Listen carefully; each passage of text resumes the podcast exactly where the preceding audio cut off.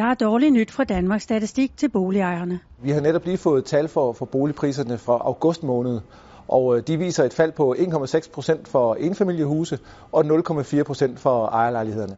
Så på den korte bane er en bolig blevet mindre værd, hvad enten det er et parcelhus eller en ejerlejlighed. Og Mikkel Hø er forbavset. Det var særligt prisfaldet på enfamiliehuse, der, der overraskede lidt. Det var noget kraftigere, end jeg lige havde regnet med fra, fra måned til måned. Det skyldes øh, flere ting, men igennem de seneste måneder er det blevet sværere at komme igennem øh, nåleøjet, øh, hvis man skal ned i sin bank og låne penge til at købe en bolig. Øh, derudover så er der også det forhold, at når priserne generelt er stigende, jamen så er der flere mennesker, der må se sig om efter at, at finde en, en anden bolig.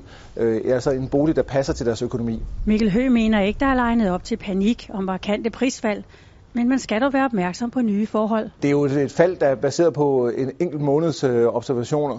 Øhm, øh, og det, man skal være opmærksom på, det er jo, at øh, de her månedstal er lidt mere ustabile end de kvartalstatistikker, vi, vi ellers kender fra, fra boligmarkedet generelt set på den lange bane, jamen øh, der er vi egentlig rimelig positive på, på boligmarkedet.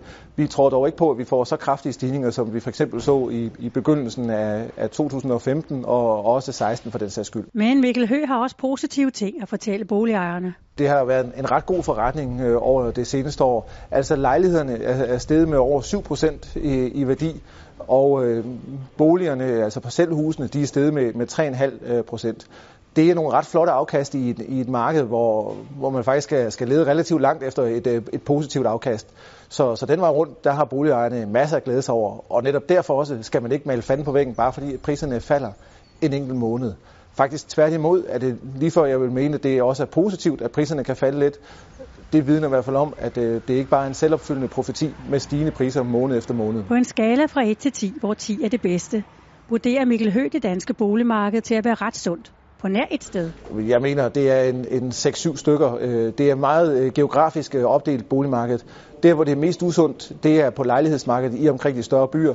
Hvor parcelhusmarkedet, der hvor, det er der, hvor langt de fleste danskere bor, jamen der mener jeg, at boligmarkedet er kernesundt.